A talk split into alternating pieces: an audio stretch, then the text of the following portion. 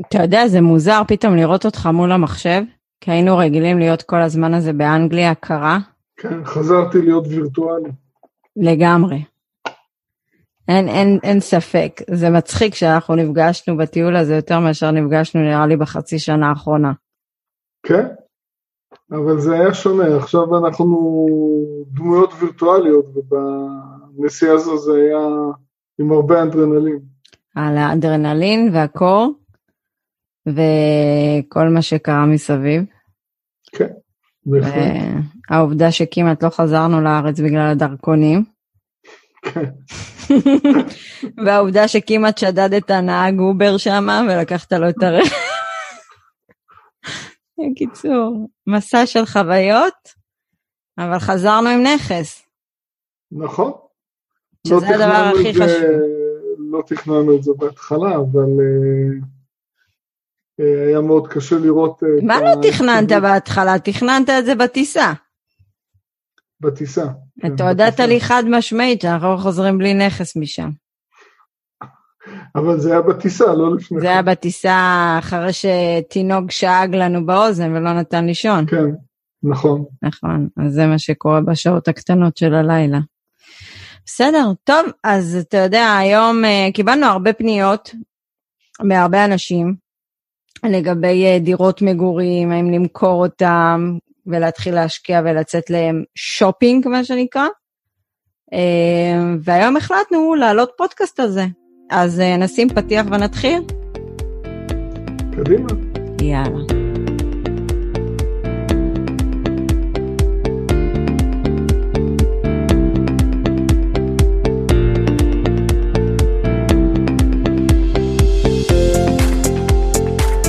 שלום לכולם, אני עדי בן אדר דהן, רוני אגה, פודקאסט כאן מדברים נדל"ן. אם עדיין לא נרשמתם לערוץ יוטיוב שלנו, תעשו את זה, תגיבו, תשתפו, תעשו לייק, אנחנו צריכים להגיע לאלף מנויים לפחות, כדי שיוטיוב, מה שנקרא, יאשר את הערוץ שלנו, אה, ונהיה יוטיוברים. ייי.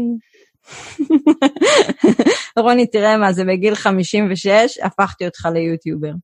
כן, כוכב רשת. כוכב רשת, אתה כמו, איך קוראים לו? אמ, איך קוראים לזוג הזה? אתה, ש... ש... סער כל הזמן שומעת אותם. שכחתי איך קוראים להם. הם ממש אה, זוג כאילו אה, מוכר ברשת, הם התחילו גם מהרשת, יש להם קליפים פשוט מתחת לכל ביקורת. טוב, אבל אה, ברשת זה כנראה תופס. אני אזכר, אני אזכר איך קוראים להם. וזה, נו, מי, אה, את קוראת לי מי אמור, מיני מיני אה. מיני איך קוראים להם? לא זוכר. טיילור, אה. טיילור, בן, בן וטיילור, נכון? אוקיי. בנזיני כן. וטיילור, זהו, אוקיי, כן. נראה לי שאני שוקל כפול מבנזיני.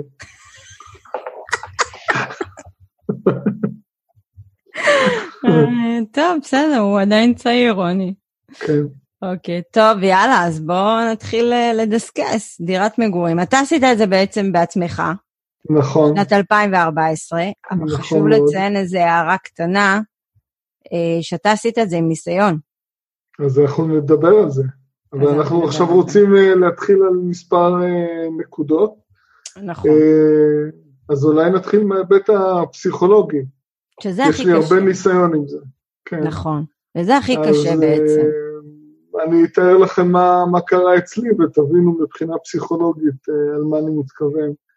אה, אני ראיתי במהלך אה, אותם שנים, לפני שנעשה הביצוע, ההחלטה התקבלה, את הכסף צומח בקירות. ראיתי קירות, אבל הקירות לא, לא הבינו, הביאו לי שום הכנסה, וזה צמח וצמח. בינתיים אני כבר הייתי פעיל אה, לפחות 15 או 16 שנים כמשקיע נדל"ן. זאת אומרת, היה לי כבר פורטפוליו נכסים, הייתי אה, די מנוסה, אה, ומבחינתי ההיגיון אמר גם, מבחינת רמת המחירים של הנכסים בתל אביב, ההיגיון אמר שזה עיתוי נכון לממש רווח, גם אם המחירים ימשיכו עוד לעלות אה, מעט לאחר מכן, אבל בוא נעשה רגע תקופה- נקודה, נקודה רגע סטופ. אה, חשוב לציין שבאותה נקודה, באותו שלב, אתה, לא הייתה לך הכנסה, הכנסת משכורת הביתה, זאת אומרת, לא הייתה לך איזשהו משהו שיכלת להישען עליו, ואתה כן. נדחקת לקיר באיזשהו מקום. נכון, זה היה אחרי מלחמת אה, צוק איתן, שדי פגע לי בעסק, אה, וזה בעצם היה הזדמנות לבצע את המפנה. אשתי קיבלה את זה מאוד קשה, אני מבין את הצד שלה, היא מאוד uh, קשורה לדירת מגורים, זו דירה שאנחנו בעצם רכשנו ושיפצנו בהתאם לצרכים שלנו, uh, והיה חשוב לה באמת התחושה הזו של ביטחון, בסיס של uh, דירת מגורים. Uh, אני מצד שני, יש לי גישה כלכלית פרקטית, uh, ו... אני הבנתי שאני יכול לייצר מזה יותר, וזה אה, כסף, זה הון שקבור אצלי בקירות, ואני לא נהנה ממנו. אה, בשורה התחתונה מכרת. בשורה התחתונה מכרתי, אה, אשתי נלחמה, הפעילה את המשפחה. עשו לך אינטרוויישן, כמו בעולם התחתון. אינטרוויישן עם הדודים, עם כולם, אף אחד לא הבין איך אני עושה כזה דבר. אה, בדיעבד, אני עדיין גר באותה דירה, אני שוכר אותה כבר אה, חמש שנים. אבל גם אם לא היית מזכיר אותה, זה לא היה משנה את העובדה שאתה רצית נכון, לצאת משם. נכון, ומכספי אה, אני בעצם סילקתי חובות ורכשתי. עוד מספר נכסים. ובעצם בעצם... הצעת לעצמו, זה מה שהוציא אותך לעצמאות נכון. כלכלית, אבל כל מה שבעצם אתה רוצה לשים את הנקודה פה מהסיפור, זה בעצם על דווקא על חנה, שזה כן, השפיע אז, עליה אז... מבחינה פסיכולוגית. אז אני חושב באותה תקופה בדיוק, ובשנים שלאחר מכן, היה לה מאוד uh, קשה לקבל את זה, והייתי אומר אפילו לסלוח. Uh, אני חושב היום, היא חיה עם זה אחרת, היא מבינה בעצם, היא תמיד אומרת שמבחינה כלכלית היא מבינה את מה שאני עשיתי, אבל מבחינה רגשית היא לא יכולה לקבל את זה. נכון. אז למזלי זה עבד טוב, ואני חושב שהיום היא חיה עם זה בשלום, למרות שהיא עדיין לא, לא מקבלת את זה. אבל פה חשוב נקודה אחת, כשאתה אה, מי שפונה אלינו בדרך כלל זה כבר זוגות שיש איזשהו, הם די תמימי דעים בקטע של בוא נמכור את הדירת מגורים שלנו, ואתה היית צריך באיזשהו מקום, גם לא הייתה לך ברירה, זאת אומרת, לא הייתה פה שאלה אם למכור או לא למכור, אתה אמרת אני מוכר כי אין לי ברירה כבר. כן. אבל זוגות אחרים שפונים אלינו ושואלים, רגע, אני אמכור את הדירת מגורים שלי? זאת אומרת, שניהם מגיעים מאותה נקודה של למכור, ואנחנו תמיד אה, מסתכלים על זה מכמה היבטים. נכון. אה, וההיבט הפסיכולוגי, אני חושבת שכשהם באים אה, מנקודה, כי הם התחילו בנקודה של יש לי דירת מגורים. זה סוג כן. כזה שאם אתה מוכר את הדירת מגורים שלך, אתה מאבד את הביטחון, אני אקרא לזה במרכאות ביטחון, אני אישית לא חושבת שזה סוג של ביטחון, אבל אתה מאבד את המקום הבטוח, את המקום ששמת בו את הילדים, ויש להם את המסגרות וכל ה... סיבות אה, מסביב כן. שמצטרפות. אז אני מהצד שלי, אני מאוד שמחה שבכלל לא נכנסתי לפוזיציה הזאת שיש לי דירת מגורים. אני אז פשוט... אני רוצה לגעת בנקודה ש... שאמרת, הנקודה של הביטחון היא מאוד אה, נכונה ואמיתית מבחינתם. אה, זה חלק בעצם אה, מהנושא הזה של הקמת אה, משפחה ובית למשפחה. אבל אה, היום גם בעבר, אבל היום אני רואה את הדברים שונה. אני מאוד אוהב את החוסר ביטחון ואת החוסר ודאות. אה, גם אני ואת אה, יודעים שבעצם בזכות החוסר ודאות והחוסר ביטחון, זה מאלץ אותנו להתאמץ יותר ולייצר mm-hmm. הישגים. Okay. אוקיי. אבל זה העניין הפסיכולוגי. לא כל אחד נמצא איפה שאני ואת אה, נמצאים. אז אה, זה צריך לדעת באיזה עיתוי לעשות את זה ולמי זה מתאים. נכון, בגלל זה אני שמחה שבכלל לא נכנסתי ואני לא נמצאת בכלל בפוזיציה הזאת של להגיד, רגע, אולי אה, נמכור את הדירה, זה לא מעניין אותי, אני לא שם. אה, אני אוהבת להשכיר דירות, זאת אומרת, גם להשכיר בתור אה, אה, בעלת נכסים וגם להיות זאתי ששוכרת את הדירה. אה, יש נכון. לי עצה, אה, אני כן יכולה להחליט מתי בא לי בעצם לשדרג את הבית שלי. אני כן מצאתי, אני בעד חוזה לטווח רחוק. ואז באיזשהו מקום אתה מנטרל את הקטע של הביטחון בבית. נכון שהיום קשה ויש הרבה פרצות ואין חוקים פה בארץ לגבי אי השכרה, אני מסכימה עם הכל. כאילו, אני כן יכולה להבין את מי שבעצם כן רוצה לרכוש דירת מגורים. שוב, כל אחד צריך אה, לעשות מה שטוב, וגם כל אחד, אתה יודע, בא מנקודת מבט אחרת. אז כי... אם, אם את אומרת לרכוש דירת מגורים, זה צריך לבוא בתנאים מסוימים. Mm-hmm. אחת הבעיות שיש לי עם רכישת דירת מגורים, זה שמדובר בהחלטה כלכלית אה, רגשית. הרבה פעמים אה, אנחנו רואים אה, זוגות צעירים שרוכשים דירות מעבר ליכולת הכלכלית שלהם. כבר בשלב ההתחלה, ואת זוכרת איזה מקרה שהיה לנו עם זוג שהתייעץ איתנו, נכון. ורצה לקפוץ מעל הפופיק, והצלחנו לרסן אותו קצת. אבל הוא שונא אותי עד היום. אוקיי, שונא אותך עד היום, נכון. אה, פגעת לו בחלום של דירת אה, מגורים. כמו שהוא רצה, הוא קנה דירת מגורים ולא כמו שהוא רצה. ריסקתי אותו. אוקיי, אז uh, הבעיה פה, אנחנו עכשיו עברנו מעבר לבעיה הפסיכולוגית, כי ברגע שנכנסים לדירה שזה, קונים אותה לפי שיקול רגשי, הסכנה היא שבעצם כל המשאבים הכלכליים ילכו לעסקה הזו, וכעבור מספר שנים, בגילאים של 35-40, שזה בדרך כלל גילאים שנמצאים לקראת שיא הקריירה, אולי טיפה אחרי, אה, המשפחה אולי גדלה, מחליטים לשדרג דיור, ואז עוברים לדירה יקרה יותר, ואז ממחזרים את המשכנתה לעוד 20-30 שנים קדימה. נכון. ואז אתה כל הזמן, אתה כל הזמן נמצא בלופ.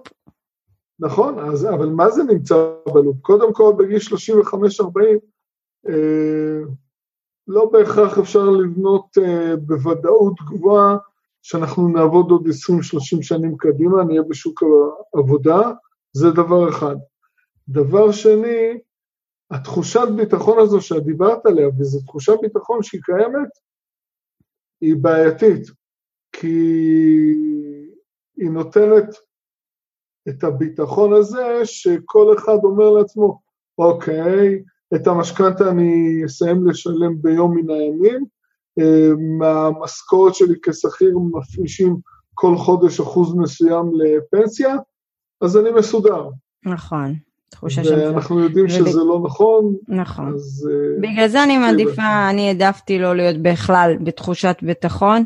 אני אתן לי דווקא להיות ב... לא באזור הנוח, אני שמה פורחת. אה, אף פעם לא הייתי באזור נוח. ו... נכון, אז, אז זה לא מתאים שלי. לכל אחד. נכון. זה לא נכון. מתאים לכל אחד. נכון. אז, אז בואו נסכם רגע את ההיבט הפסיכולוגי, כשאנחנו מדברים על מכירה של דירת מגורים, בעצם אחד, שני הזוגות צריכים להיות תמימי דעים, שזה מאוד חשוב, כי אם אחד הוא מתננד, אז זה עלול לגרום אה, ממש בעיות. אה, ומשברים. אתה לדוגמה צלחת את המשבר, אבל... אני צלחתי גם, גם חנה חיה... שהצלחתי לאחר מכן. לא, נכון, אבל לא. גם חיה, חנה חיה את השכירויות בתקופה של 16 שנים לפני שעשית את המהלך הזה. זאת אומרת, נכון. היא הבינה את ההיגיון הכלכלי, אבל זה לא התחבר לה עם ההיגיון הפסיכולוגי. אבל בואי נחזור אחורה. אם זה לא היה מצליח, היא הייתה חונקת אותך, רוני, ככל הנראה. כן, כן. בוא נהיה ריאליים. נכון. הייתה יושבת לך פה, כאן, אה, על העורק. אז בנוסף לחוסר ודאות, היה לי את אשתי אה, כגורם שהניע אותי לפעול אה, ולהתאמץ. נכון. כמו תמיד. אז זה מאוד חשוב שבהיבט הפסיכולוגי, שני, הזוג, שני בני הזוג יבינו את ההשלכה ולהתגבר על המכשול הזה. עכשיו בואו נדבר על, על דירת מגורים אני יכולה להבין את כל האנשים שמסתכלים מה יש בחוץ מבחינת תשואות, והם אומרים, רגע, יש לי בית בשווי מיליון וחצי, שתי מיליון, אחד, שתיים וחצי, אחד, ארבע, שמענו באמת סכומים, ואז בעצם אה, מגיע איזשהו רעב אני, אני גם אומרת איזשהו סוג של בניית ולהשקיע. חלום, כן. אני, אני שמה את זה בכוונה של בניית חלום. זאת אומרת, לכולם חשוב שיהיה יעד ו- ו- ומטרות והכל, זה מאוד חשוב, אבל באיזשהו מקום אנחנו חושבים, אה, יש לי ארבע, יש לי שני מיליון כלואים בקירות, אני אמכור את זה, אני אקנה מספר נכסים וזהו, אני יצאתי לעצמאות כלכלית, והנה הם עשו להם את החלום והכל טוב. אבל זה לא אבל קורה במציאות. יש, בזה היגיון כלכלי, יש בזה היגיון וזה נכון על הנייר. נכון, על הנייר, בדיוק. על הנייר לא זה מבינים... מאוד נכון, אבל mm-hmm. בוא נגיד איפה, איפה השוני, איפה ההבדלים. להפוך ביום אחד למשקיע מדלן זה לא עובד. זה תהליך, זה תהליך של אה, להכיל, מדי פעם יש בלת"מים, יש קשיים, אה, והתשואות שבמקרים רבים אה, משקיעים נחשפים אליהם על הנייר, הן לא התשואות האמיתיות בפועל. כמשקיעים הם צריכים גם לקחת בחשבון את הסכום האחרון שיישאר להם ביד לאחר קיזוז תשלום מס הכנסה על שכירויות. או מס רווחי הון. זה יכול להיות, זה תלוי, תלוי מה השווי של הדירה בעצם. אז בעצם לקחת את זה ולהגיד, רגע, אני היום אה, גר בדירה ואולי אני משלם משכנתה, אבל אם אני מוכר את הדירה הזו שהיא שווה 2 מיליון שקלים ואני מוצא נכסים בתשואות של 10% נטו, אז אני מכניס 200 אלף שקלים בשנה ואני שוכר דירה בקלות ונשאר לי מעבר לזה. אז uh, כדי לייצר את זה אבל צריך זה להבין... בדיוק מה שהתכוונתי שאמרתי שהם בונים חלום. זה תוכנית כן. שהיא נבנית מ... אני חושבת יותר מקטע של אני רוצה, אני רוצה שזה יתגשם, זה... אבל אני לא יודעת עד כמה הם, אני לא יודעת עד כמה הם באמת יורדים לעומק של מה שמסתתר מאחורי המספרים, או מה רמות הסיכון. אה, ואני חושבת שאם בן אדם באמת עושה את המהלך הזה ו- והולך ומוכר את הדירה ובאמת מסתמך על התשואות האלה, וזה לפעמים תשואות לפני מס, אה, ובסוף לא, לא מקבל את התמורה, זה עלול להיות פה משבר מאוד רציני. אה, ו... או אם הוא בכלל מבין שהוא לא מתאים להיות משקיע. נכון. ומקבל רגליים קרות. בכלל, אה, היו לי מספיק פעמים שמשקיעים העלו את זה בפניי, אמרו לי, אוקיי, יש לי הון עצמי, אני יכול לעשות כאן הכרה, אבל מה, יש לי דירת מגורים, שיש לי הון אה, כלוא בקירות, אה, מה אתה אומר אולי אני אמכור? התשובה שלי הייתה חד וחלק, כרגע, אתה לא מתעסק בשעה הזו, אתה לא מוכר. קודם כל, תבנה פורטפוליו נכסים מבלי למכור את הדירה הזו. קודם כל, תעכל. תצבור ניסיון, תלמד להכיל את זה. בשלב מאוחר יותר, אה, תשקול אה, את המהלך הזה, ואז אם אתה תעשה את זה, סביר להניח שאתה תעשה את זה ממקום אחר של אה, ניסיון והבנה וידע למה לצפות, אבל לא בתחילת הדרך. אני מסכימה לחלוטין. אז מבחינה כלכלית יש פה היגיון מאוד גדול למכור את הדירת מגורים ובאמת להתחיל נכון. לצאת לשופינג, כמו שאנחנו אוהבים לקרוא לזה, גם קראנו לזה השבוע אה, בטיול שלנו, אמרנו שיצאנו לשופינג, אה, זה השופינג שלנו. למרות שגם אני אוהבת. שופינג של בגדים, כן? אני, שלא תבין לא נכון, אבל אה, זה גם שופינג שהוא נותן לך קצת מעבר, זה חוויה כן. אחרת לחלוטין. זה, זה אמיתי. יש. פה עניין נוסף, נוסף מבחינה כלכלית. אה, כאשר ההון כלוא בקירות של הדירה, אז אנחנו לא נהנים ממנו אה, כתזרים אה, חודשי שנכנס לנו לכיס, ובעצם במכירה אנחנו משחררים את הכסף ומשקיעים עוד עם מימון ומייצרים מנועי הכנסה לתא המשפחתי. אז מצד אחד אנחנו פועלים ממימון, ומי שמשלם את המימון הזה זה השוכרים, ולא אנחנו ממשכורות, אה, מהמשכורות של העבודה. דבר נוסף זה בגיל מבוגר יותר. אנחנו רואים הרבה מקרים, ואני רואה את זה גם במשפחה הקרובה אצלי, של מבוגרים שגרים בבתים פרטיים או בדירות גדולות, שלא כל כך מתאימות לסגנון החיים שלהם, ברמה החודשית הם מצטמצמים, הם לא פעילים בשוק העבודה, אמ, אבל הם חוששים לעבור, הם אה, רגילים לבית, לקהילה מסביב, לשכנים, לחברים, אה, ומבחינה כלכלית אה, זה לחלוטין לא נכון. כמובן mm-hmm. שאם הם היו מוכרים או משכירים את הבית ועוברים לדיור קטן יותר, שמתאים למידות שלהם, מבחינה כלכלית זה היה נכון. ואת ואני שגרים כרגע בשכירות, אין לנו בכלל את ההתלבטות הזו. השיקול. שלנו איך לגור ואיפה לגור, הוא בהתאם לשיקול הכלכלי. כבר דיברנו על זה שעוברים עוד מעט לקנדה. אבל לא אמרנו את זה עדיין ליניב וחנה, אז אה, כן, פה הפלתי אותנו. אז את מודיעה להם פה? כן, הפלתי אותנו, זה בעייתי. לא נורא, הם יתגברו. אני רוצה להוסיף עוד נקודה על הפן הכלכלי. אה, הרבה מאלה שחושבים למכור את הדירת מגורים שלהם יוצאים מנקודת הנחה שיש להם איזשהו ניסיון עם השקעות בארץ. אה, ולמכור ואז לצאת לאיזשהו מסע בחו"ל. אה, וגם פה אני חושבת שזה סוג של אה, טעות, כי צריך להבין שזה לא אותו סגנון השקעה, זה טיפה שונה וצריך עם חו"ל להתמודד עם דברים אחרים, וגם כשאתה משקיע מעבר לים איזשהו היבט פסיכולוגי שאתה צריך להתגבר עליו וחשש.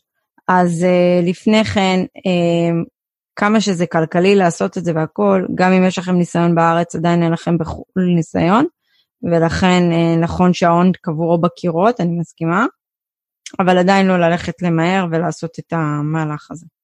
אוקיי, okay, אז ברשותך אני רוצה להוסיף עוד נקודה כלכלית. Uh, כאשר אנחנו מבצעים השקעות, אז זה כסף שאנחנו בדרך כלל uh, חוסכים אחרי ששילמנו מס הכנסה פרוגרסיבי על שכר העבודה, זה יכול להיות כסף שאנחנו שילמנו מס רווחי הון אחרי שמימשנו אותו בבורסה, או כסף אחרי שמימשנו דירה אחרת להשקעה ושילמנו מס רווחי הון.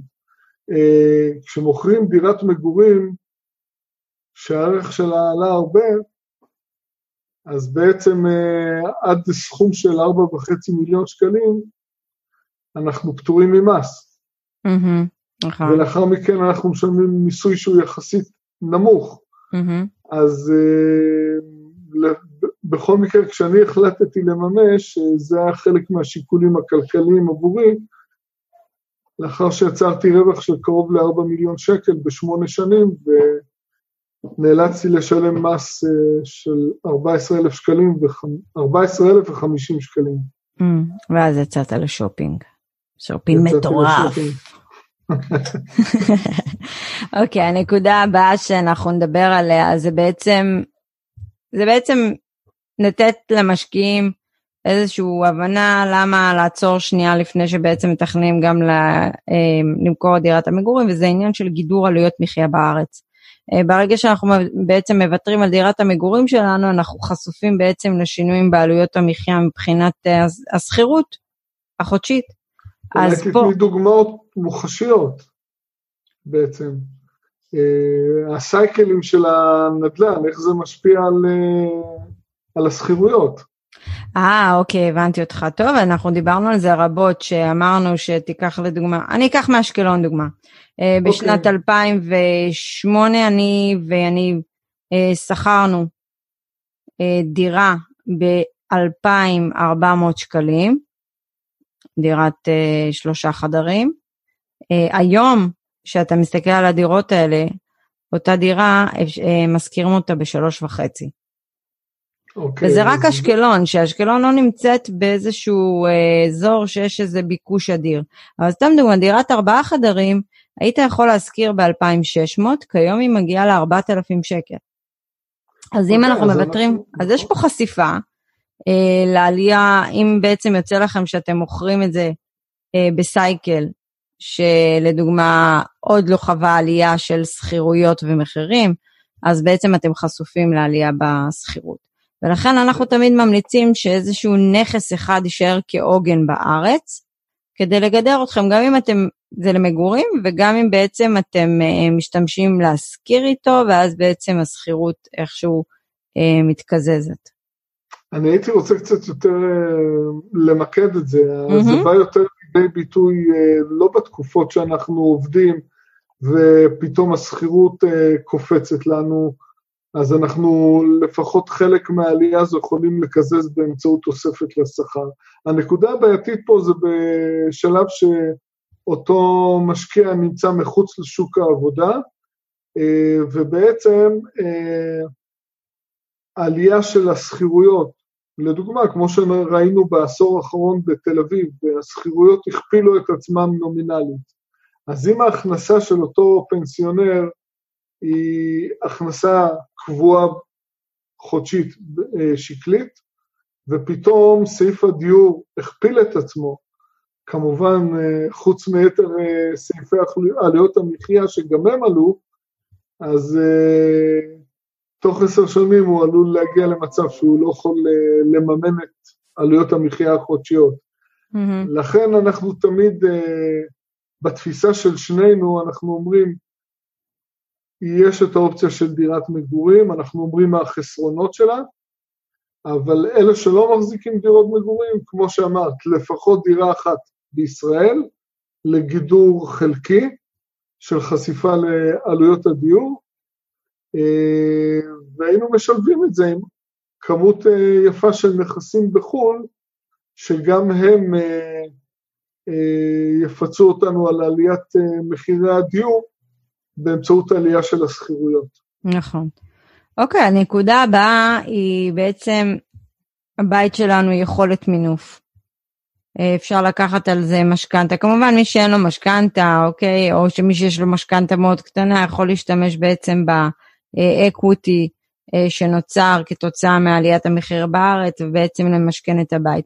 אז אנחנו נכון. תמיד אומרים, לא למהר, כי צריך לחכות גם עכשיו, לדוגמה, אם יש למישהו חצי מיליון שקל, השקיע, מבין שזה עובד, אה, מרגיש בנוח לבצע עוד השקעה, אז כן, אפשר ללכת לבנק, לקחת עוד הלוואה, כמובן לא לעבור 50 אחוז, ושזה לא יכביד, ושהתזרים יהיה, אה, אה, ההחזר יהיה כמובן משהו שהוא יכול להתמודד איתו גם בתקופה של בלת"מים.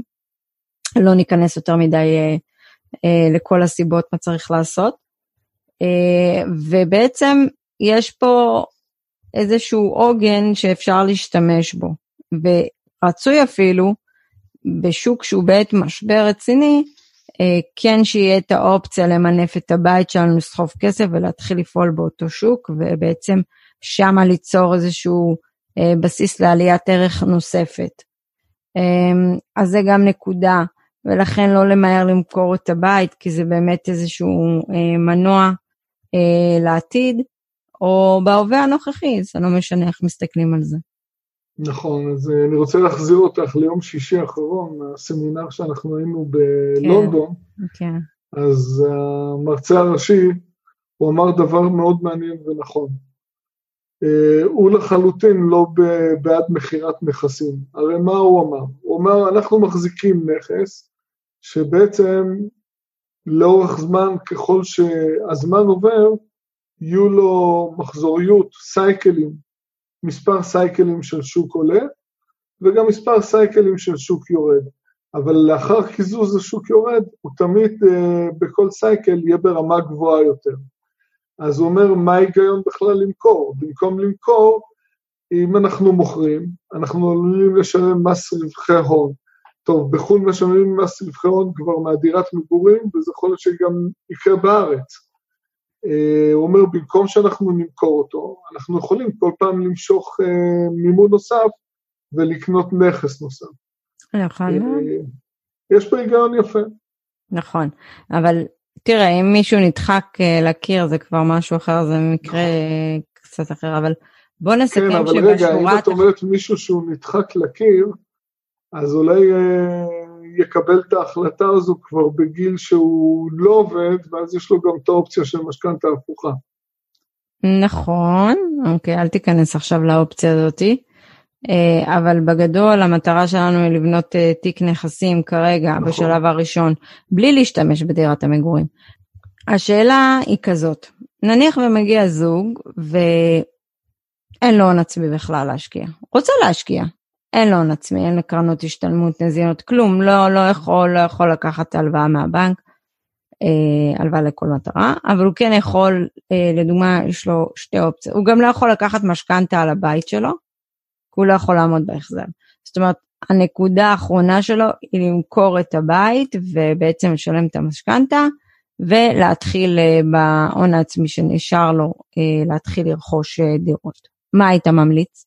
אז אני לא, לא הייתי ממליץ לו למכור את הבית, להחזיר את המשכנתה ולפעול עם הון עצמי, כי כמשקיע לפעול ולבנות פורטפוליו נכסים, אנחנו חייבים להשתמש במימון, ואם ההכנסה החודשית שלו לא מייצרת לו הכנסה פנויה מעבר לעלויות מחיה, אז uh, לא הייתי מייעץ לו לפעול ככה. אבל מצד שני, במידה ולאותו אחד אין לו הון עצמי להשקיע, אבל מבחינה חודשית הוא, יש לו הכנסה uh, פנויה יפה, uh, לו ולאשתו, אז במידה והוא בא ואומר, אוקיי, אני אחלץ כסף באמצעות משכנתה מהנכס שקיים אצלי ואני ארכוש נכס נוסף, אז אני חושב שאפשר לשקול את זה בתנאי שהוא יודע מה הוא עושה ואיזה נכס הוא רוכש.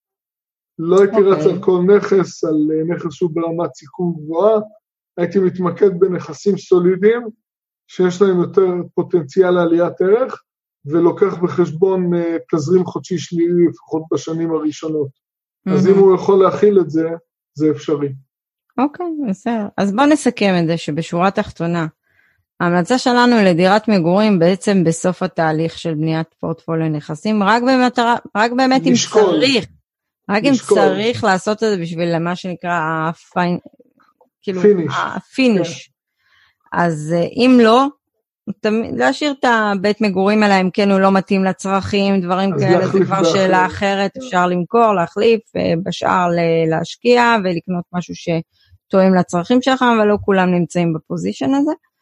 אה, אז אנחנו ממליצים כמובן, רק אם זה באמת הכרחי בסוף, אז באמת לעשות את זה במהלך הסופי, שבעצם אתם יש לכם איזשהו ניסיון, אתם יודעים להכיל בלת"מים, עברתם איזה שוק של משבר בשוק, כי כשיש משבר בשוק, השכירות טיפה יורדות, אה, יכול להיות שיהיה תנודה בשער החליפין, זה דברים שאתם צריכים לדעת להתמודד איתם. פינוי סוחרים זה משהו שתעברו במהלך המסע הזה בנדל"ן. אז דברים שצריך להכיל, וקודם כל תלמדו להכיל אותם, תלמדו לקבל את זה באהבה, כי זה חלק מנדל"ן, אין מה לעשות. אני מקבלת באהבה כבר uh, כל מה שאומרים לי. גם אם זה לפעמים מעצבן, אבל אין מה לעשות.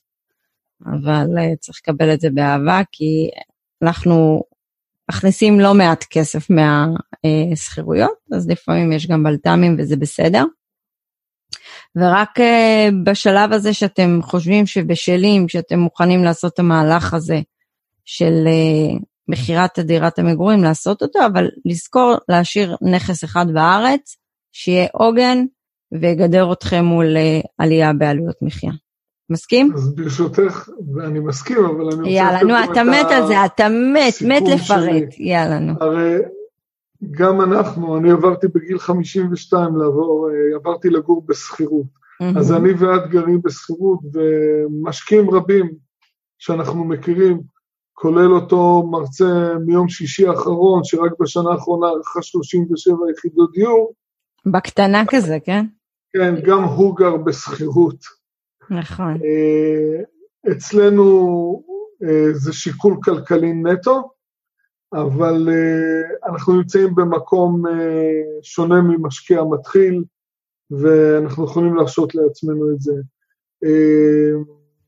משקיע שהוא מתחיל ישר לרוץ uh, ולחלץ את ההון שקיים בקירות באמצעות מכירת uh, דירת מגורים, uh, הוא עלול להתאכזב, בעיקר מהציפיות שהיו לו, אם לא מעבר לזה, לשלם בעניין הזה של הנישואים. אני חייבת להחמיא לך על משהו, רוני. אני רואה אותך כזה יפה עכשיו עם המצלמה החדשה. לא להאמין, יש לך אור בבית. אבל הקירות כבר לא שלי, ידי. הקירות לא שלך, זה הקירות של... אה, הקירות כבר של מישהו אחר, והכסף כבר הכפיל את עצמו בארצות הברית ובאנגליה. שעל זה נדבר בסרטון אחר. אוקיי. נכון? ואתה יודע. אנחנו, היה לנו אה, הרבה שיחות באנגליה, והבנו כמה אנחנו לא אגרסיביים, נכון, ומה אמרנו? שקונים הרבה, יוצאים לשופינג. כל רבעון, כל כל רבעון, רבעון אנחנו יוצאים שנה לשופינג. הבאה, המטרה להגיע בטווח זמן קרוב להשקעה בחודש, זה לשנת 2022. אין בעיה. חותם. אני צריכה לישון בלילה, רוני. כאילו, אם אני אדע שיש לי יעד לקנות כל חודש נכס, אני לא אשן בלילה. אז מה, אבל זה כל הכיף.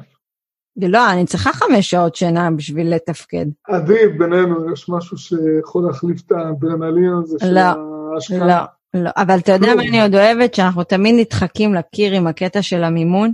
מאיפה נשיג, מאיפה נשיג, מאיפה נשיג, ובבאזר יש לנו את ה... מה אבל שנקרא, קודם. אה, מחליטים על ההשקעה, אחרי זה שוברים את הראש. אחר כך שוברים את הראש, בדיוק, אהבנו, קנינו, אפשר ללכת לאכול. נכון, נכון? ככה זה היה ביום רביעי. ראינו, קנינו, אפשר ללכת לאכול. אה, בעצם השתחרר הלחץ בקנייה. נכון, הרגשתי שלווה יותר עם עצמי. אבל אתה יודע מי לא היה שלו אחר כן. כך.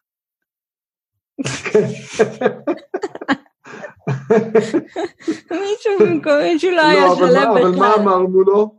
כשהוא לא שלם, אנחנו יודעים שזו נכון, השקעה טובה. נכון.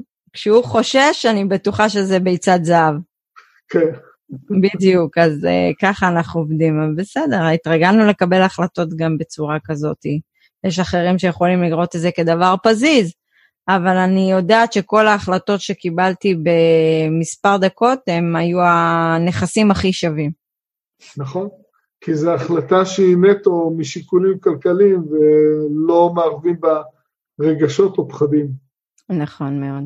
אז קודם כל, אם אהבתם את הסרטון הזה, תעשו לנו לייק. אנחנו עוד פעם נזמין אתכם להירשם לערוץ היוטיוב שלנו, אנחנו מעלים שם סרטונים שלא מעלים לספוטיפיי וסאונד קלאוד, אז תיכנסו גם לערוץ היוטיוב שלנו, תירשמו, יש שם סרטונים שהעלינו לאחרונה שמאוד uh, יעזרו למשקיע שעובד באנגליה, המון טיפים, uh, ותגיבו ותשתפו ותעשו לייק, uh, ואנחנו ניפגש בסרטון הבא ובפודקאסט הבא. שהפודקאסט הבא יהיה בעצם מתי למכור את הנכס שלנו. והכי חשוב, תפעלו. הכי חשוב תפעלו, בדיוק. תעזבו אתכם שטויות, תפעלו. חישובים, אה, מחשבות, קחו שיקולים. מפית, תחשבו. תפעלו. אנחנו חישבנו ביום רביעי על מפית. לא מפית, דף נייר, אבל עשינו חישובים על דף נייר, הבנו, קנינו. אז אנחנו נאחל לכולם המשך אה, שבוע נעים, וסופש נעים, יהיה סופש נעים, ונראה לי שבוע הבא יהיה גשם, אז תהנו מהסופש השמשי שיהיה. אם לא יהיה שמש, איזה... יצאתי חומוס.